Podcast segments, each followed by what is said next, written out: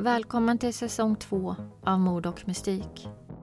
Denna säsongen kommer avsnitten på något sätt kretsa kring 80-talet. Om du gillar podden, rate oss gärna med en femma i din podcastspelare. Eller ännu hellre, lämna en recension och tipsa någon om podden. Om du vill rekommendera fall eller komma i kontakt med oss finns vi på Instagram där vi heter Mord och mystik. Tack för att du lyssnar.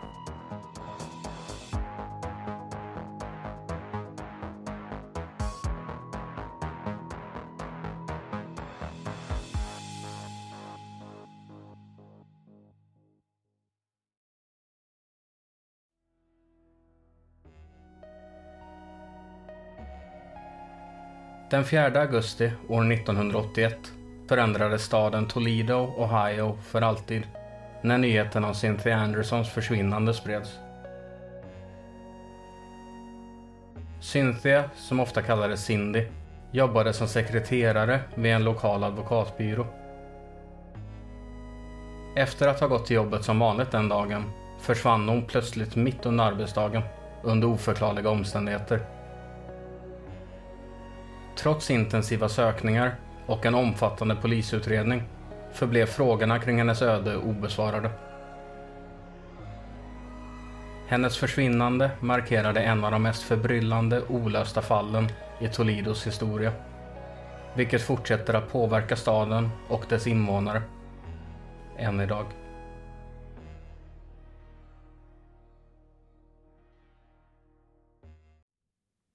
He would not confirm continues out here in Perrysburg. We're very close to Perrysburg Heights. That is uh, where Jose Rodriguez lived, and we're just uh, uh, really just across the field, not very far at all. Federal uh, searchers from the DEA, the FBI, also Toledo Police, Perrysburg, a lot of different agencies involved in this search, which is in this field behind me. There's still some activity. Night is starting to fall, so it is assumed and we're told they'll probably knock off for the evening but get started again early tomorrow morning as they continue looking for the remains of Cynthia Anderson at this location. Jerry? Lou, do we know if they have found anything whatsoever in their search so far? What we have been told is that they did have some evidence that was found near this pond that is out here, a small lake. Now, they have stopped diving in the lake itself and have seemed to be concentrating their search efforts, from what we can see, with a bulldozer in a, in a wooded area near the pond. Exactly what they found, we don't know. All right, Lou Abear with a live report from Perrysburg. Lou.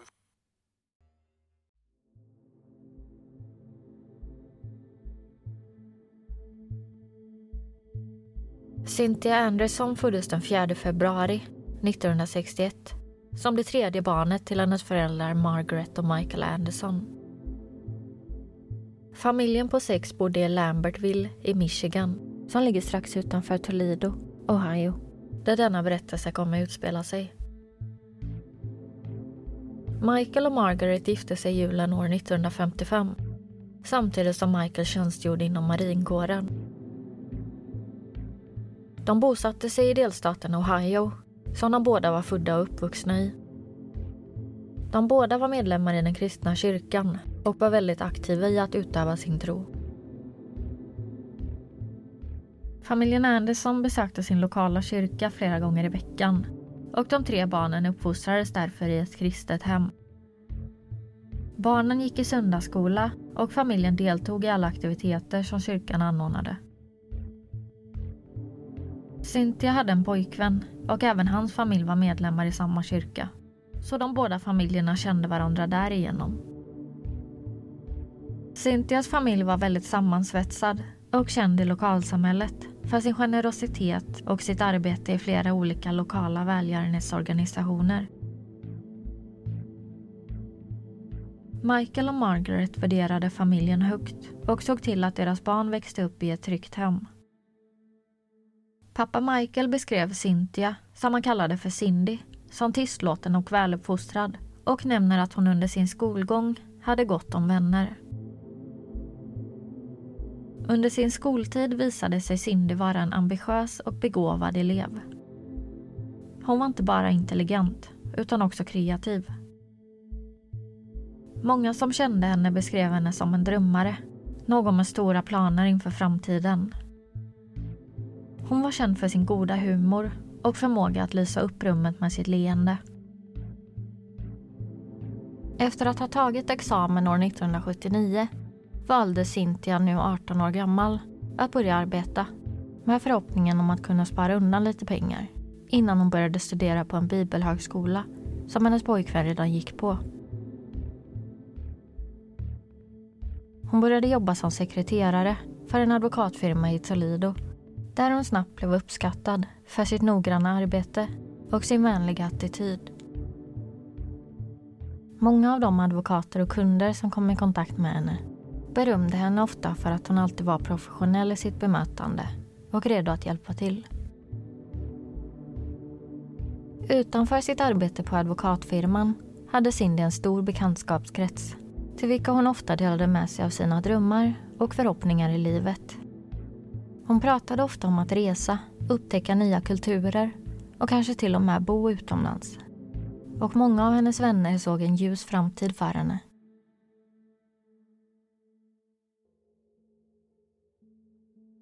Cynthias religiösa tro spelade en stor roll i hennes liv, även i vuxen ålder. Hon var fortsatt aktiv i sin kyrka och såg sin tro som en källa till tröst och vägledning. Särskilt under de svårare stunderna i livet. Bekanta har beskrivit att hennes tro hjälpte henne att hitta ett inre lugn och perspektiv i tillvaron. Advokatbyrån som Cindy jobbade på hette Neller and Rabbit Law Center som låg i ett köpcentrum strax utanför centrala Toledo. Hon saknade utbildning inom sekreteraryrket och det var inte alltför vanligt att en nyexaminerad gymnasieelev fick denna typen av jobb. Så därför var hon extra noggrann och ambitiös på jobbet. Men redan under hennes första år på advokatfirman, år 1980, började det hända konstiga saker i Cynthias liv. På en vägg till en byggnad som låg mitt emot advokatbyrån, som låg tvärs över gatan, där Cynthia hade sin reception, hade någon en dag spraymålat på väggen i love you Cindy av GW. Texten verkade strategiskt placerad, så om hon satt vid sitt skrivbord och tittade ut genom fönstret såg hon meddelandet på väggen rakt mot henne. Vilket fick henne att anta att det var menat till henne och att den hemliga beundraren visste om att hon kunde se texten från sin arbetsplats. När Cynthia såg meddelandet blev hon inte smickrad. Snarare tyckte hon att det var obehagligt. Hon började tänka efter om hon kände någon med initialerna GW. Man kunde inte komma på någon. Det spraymålade meddelandet på väggen fortsatte pryda husväggen i sex månader innan en vaktmästare till slut målade över det, till Cindys lättnad. Vid denna period hade dock något annat börjat plåga henne. Hon hade nämligen börjat få regelbundna mardrömmar om nätterna. Cynthia beskrev dessa mardrömmar för sin syster Christine och sin mamma Margaret hon berättade att hon drömde att hon blev utslappad från sitt kontor och senare mördad av en man hon inte kände. Hon beskrev att mardrömmarna var ovanligt realistiska och att de gjorde henne illa till mots. Dessa mardrömmar började hon få ett år innan hon försvann. En dag strax efter detta, när Cynthia kom till jobbet, upptäckte hon något som gav henne en klump i magen. Den spraymålade texten som hade blivit övermålad hade nu målats dit igen. Denna gång ännu större än tidigare, med samma text. I love you Cindy av GW. De regelbundna mardrömmarna och texten på husväggen gjorde Cynthia orolig och ångestfylld. Hennes vänner och familj beskriver att hon var konstant orolig och citat ständigt tittade sig över axeln under denna tid.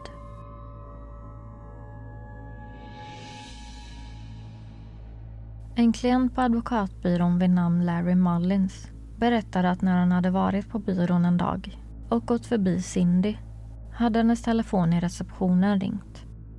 Och när hon svarade hade den i andra änden lagt på. Telefonen ringde sen igen, men denna gång struntade hon i att svara. Larry tyckte det verkade som om samtalen gjorde Cindy rädd.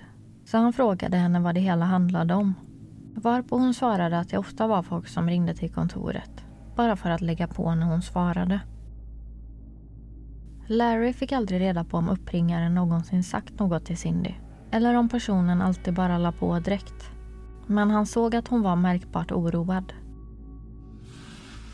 När Cynthia berättade detta för sina chefer, Jim Rabbit och Richard Neller, tog de hennes oro på allvar och bestämde sig för att införa flera olika säkerhetsåtgärder i hopp om att det skulle få henne att känna sig tryggare på arbetsplatsen.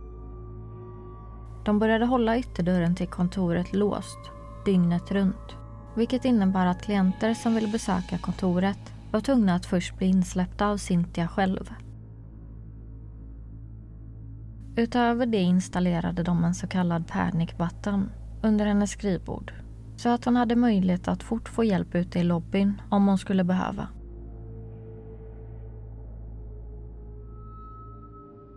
Den 4 augusti 1981 var det bara två veckor kvar innan Cynthias anställning på advokatbyrån var över. Dagen började som vilken dag som helst. Hon vaknade upp i sitt föräldrahem, struntade i att äta frukost som vanligt och satte sig i sin vita Chevrolet från 1980.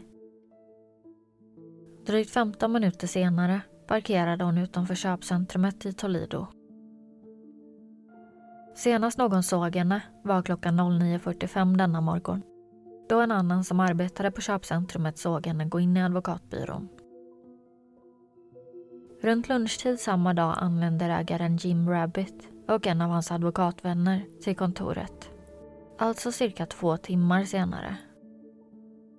När de kom dit noterade de att ytterdörren verkade låst från insidan, vilket den brukade vara vid denna tid, som en av de extra säkerhetsåtgärderna för att få Cindy att känna sig trygg på jobbet. Vad som var märkligare var dock att Cynthia inte verkade sitta vid sitt skrivbord när de låste upp ytterdörren och gått in i lobbyn. Istället stod hennes skrivbord tomt. Utöver det var radion med hennes skrivbord påslagen. Den märkligaste detaljen som Jim och hans vän la märke till var att Cynthias favoritroman som hon hade läst låg öppen på hennes skrivbord. De upptäckte att boken var uppslagen till en sida som skildrade en situation där huvudpersonen i boken blev kidnappad och bortförd av en okänd man med kniv. Osäkra på om det var en slump eller inte så fick de båda en dålig magkänsla och valde att kontakta polisen.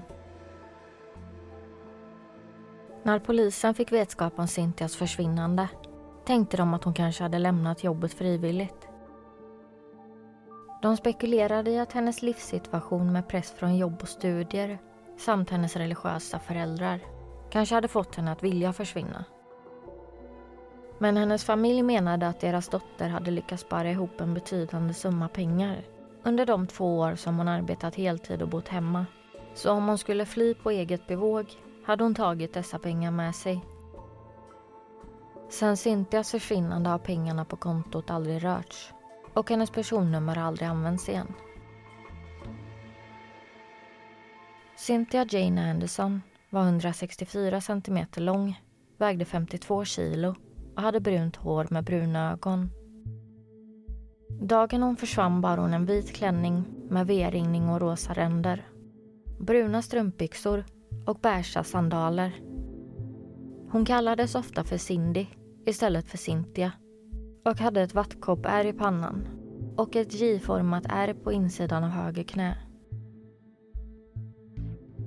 Under månaden innan Cindys försvinnande hade fyra personer försvunnit och sen hittats mördade. Polisen utredde dessa mord med inställningen om att det var samma gärningsman som legat bakom samtliga mord och tänkte därför att Cynthia kanske hade fallit offer för denna seriemördare. En detalj som stack ut var att tre av dessa fyra personer hade jobbat på köpcentrumet som Cynthia försvann ifrån hennes kontor var beläget på bottenplan av köpcentrumet och förbipasserade hade full insyn rakt mot hennes skrivbord. Efter försvinnandet trädde vittnen fram och berättade för en lokal journalist att det ofta cirkulerade citat, skumt folk runt köpcentrumet som brukade köra omkring långsamt runt området som om de letade efter något eller någon. Men polisen hade en annan ledtråd de jobbade på. Det fanns nämligen en person som jobbade som vaktmästare på advokatfirman. En person med initialerna GW. Mannen som polisen nu riktat in sig på jobbade alltså som vaktmästare på samma advokatfirma som Cynthia jobbade på. Dock verkar de inte ha känt varandra. För Cynthia själv hade aldrig misstänkt eller nämnt personen i fråga. Vilket tydde på att hon inte visste att hans initialer stämde överens med meddelandet på väggen. Polisen förhörde vaktmästaren som bestämt hävdade att han varken var ansvarig för den spraymålade texten eller Cynthias försvinnande. Spåret kring vaktmästaren kom dock av sig när personen som hade spraymålat väggen trädde fram. Han menade dock att medlandet inte var menat till Cynthia Anderson utan till en annan person som hette Cindy och som också jobbade på köpcentrumet. Denna uppgift visade sig stämma. Cynthias vän Terry, som tidigare sagt att Cynthia var den enda som kallades för Cindy i komplexet, hade haft fel. En månad efter Cindys försvinnande, i september 1981, hade polisen fortfarande inte fått upp några spår kring vad som hänt henne. Men då ringde det på telefonen hos Tolidos polisstation. I andra änden var det en ung kvinna som pratade snabbt, med låg röst, som om hon försökte undvika att höras av någon i närheten. Hon berättade för polisen att hon visste var Cynthia Anderson befann sig hon hölls fången i en källare i ett vitt hus som låg bredvid ett grannhus som också var vitt. Hon berättade att det var sonen i familjen som bodde i huset som höll Cynthia fången och som var ansvarig för bortförandet av henne. När polisen frågade kvinnan vem hon var, vad hon hette och vart hon befann sig svarade hon inte och la på. Senare samma dag ringde hon igen och berättade samma sak. Hon vägrade återigen uppge sitt namn, vart hon befann sig eller hur hon hade fått reda på informationen. Och sen la hon på igen. Polisen kunde inte spåra samtalet och fick aldrig reda på om informationen som kvinnan uppgett stämde. Eftersom hon inte ville uppge sitt namn antog polisen att det var ett prank call och inga uppgifter kring något brott, varken gällande Cynthias försvinnande eller något annat fall som stämde in på kvinnans beskrivning har någonsin rapporterats. Detta spår blev grundligt undersökt, både av polis och senare av privatdetektiver som Cynthias familj själv anlitat. Vem uppringaren var har förblivit okänt än idag. År 1981 var ett år präglat av brottslighet i staden Toledo.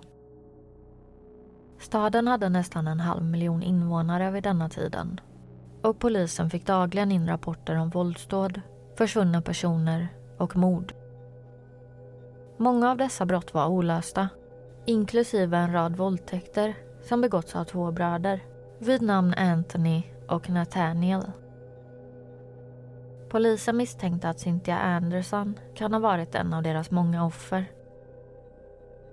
Anthony och Nathaniel Cook var två bröder som bodde i staden Toledo.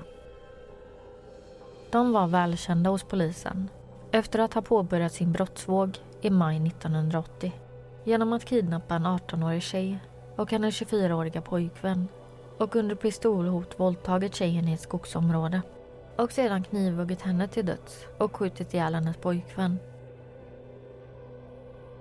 I januari 1981 plockade bröderna upp en lyftande ung kvinna vid namn Connie Sue Thompson. Sedan körde de ut henne till samma skogsområde, våldtog och dödade henne och slängde hennes kropp över en bro ner i vattnet, där hennes kropp hittades två veckor senare. Bara månaden efter, i februari år 1981, kidnappade bröderna Cook en 12-årig flicka och utsatte henne för samma våld som deras tidigare offer. Av de två bröderna var det den äldre brodern Anthony som var mer drivande än hans bror Nathaniel. Så en dag bestämde han sig för att ge sig ut ensam på jakt efter ett nytt offer. Han såg ett ungt par som han bestämde sig för att attackera med samma modus operandi han och hans bror använt.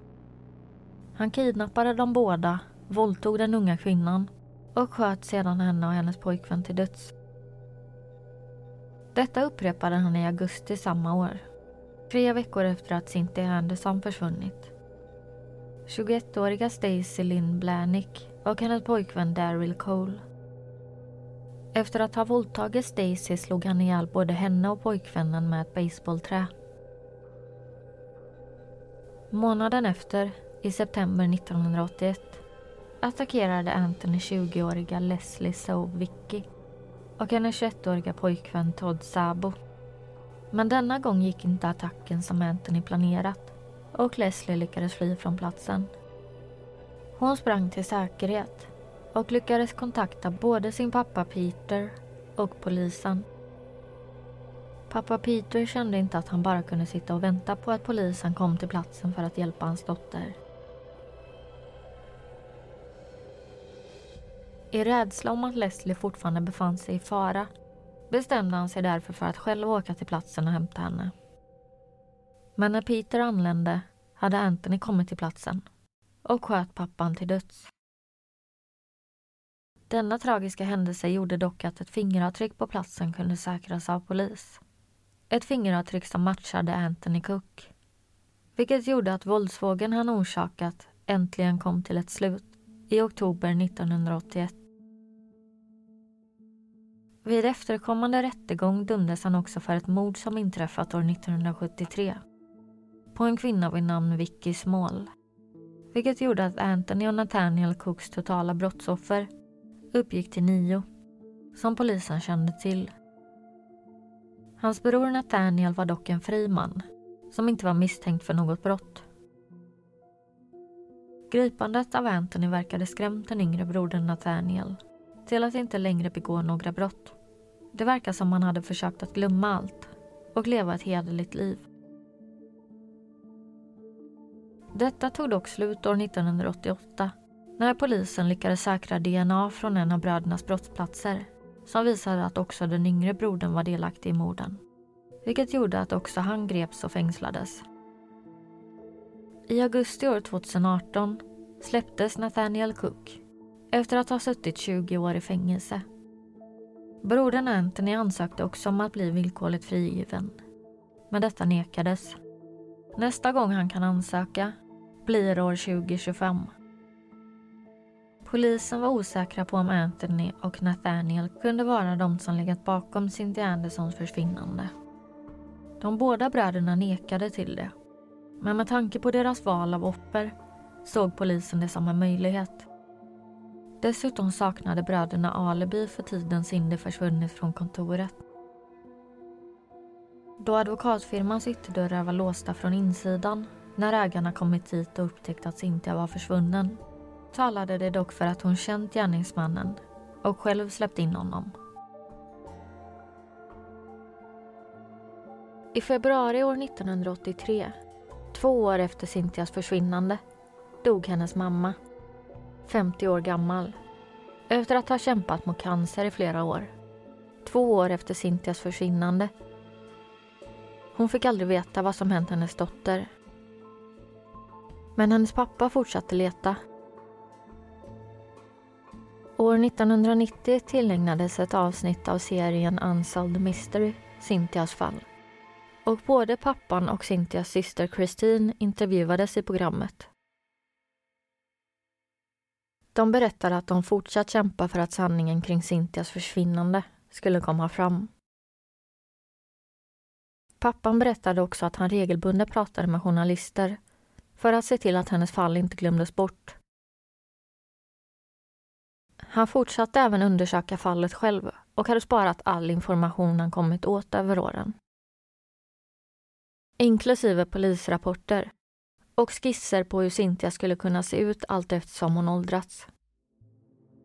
Han berättade också att han hade vägrat byta telefonnummer sedan dottern försvann ifall hon skulle ringa någon dag. Han sa att han vägrade ge upp och hoppades att försvinnandet bara var ett missförstånd.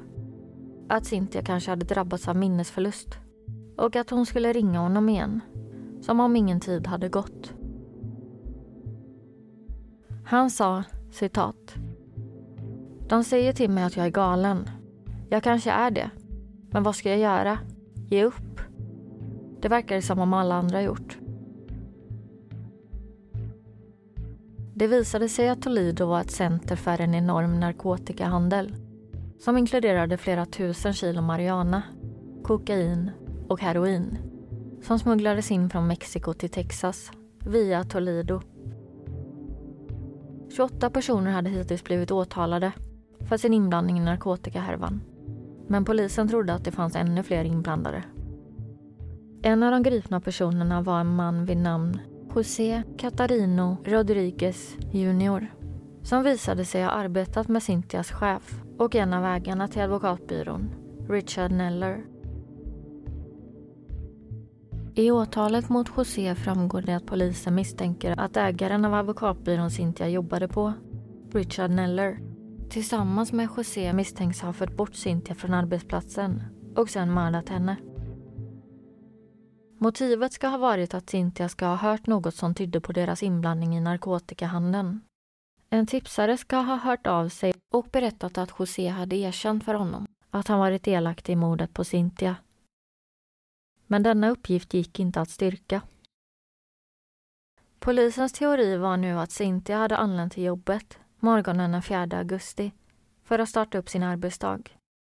Hon hade inte behövt tända i lokalen då Richard Neller och José redan hade befunnit sig på kontoret.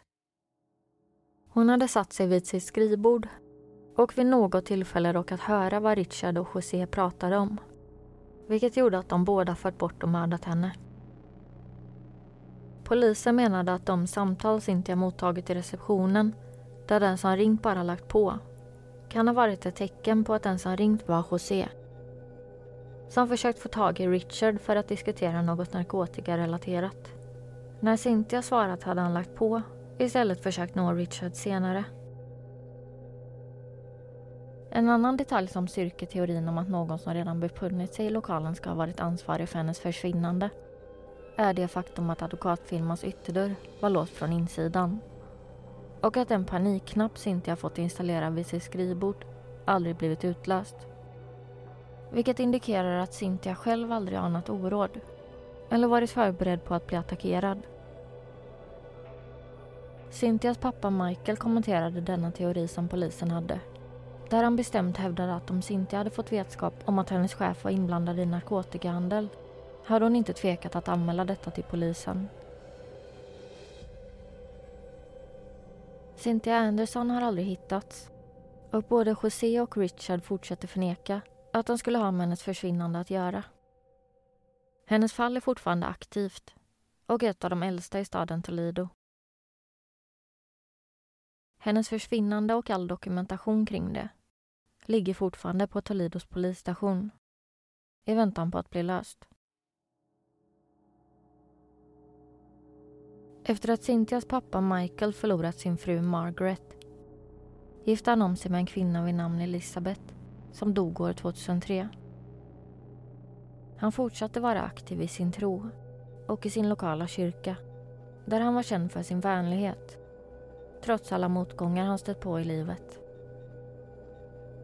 I januari 2008, fem år efter hans andra fru Elisabeth gått bort, dog Michael, 78 år gammal. Några år före hans död fick han en förfrågan från myndigheter om att dödförklara Cynthia, vilket han vägrade. Michael sa, citat, Jag förväntar mig att telefonen ska ringa när som helst. Kanske nu i eftermiddag.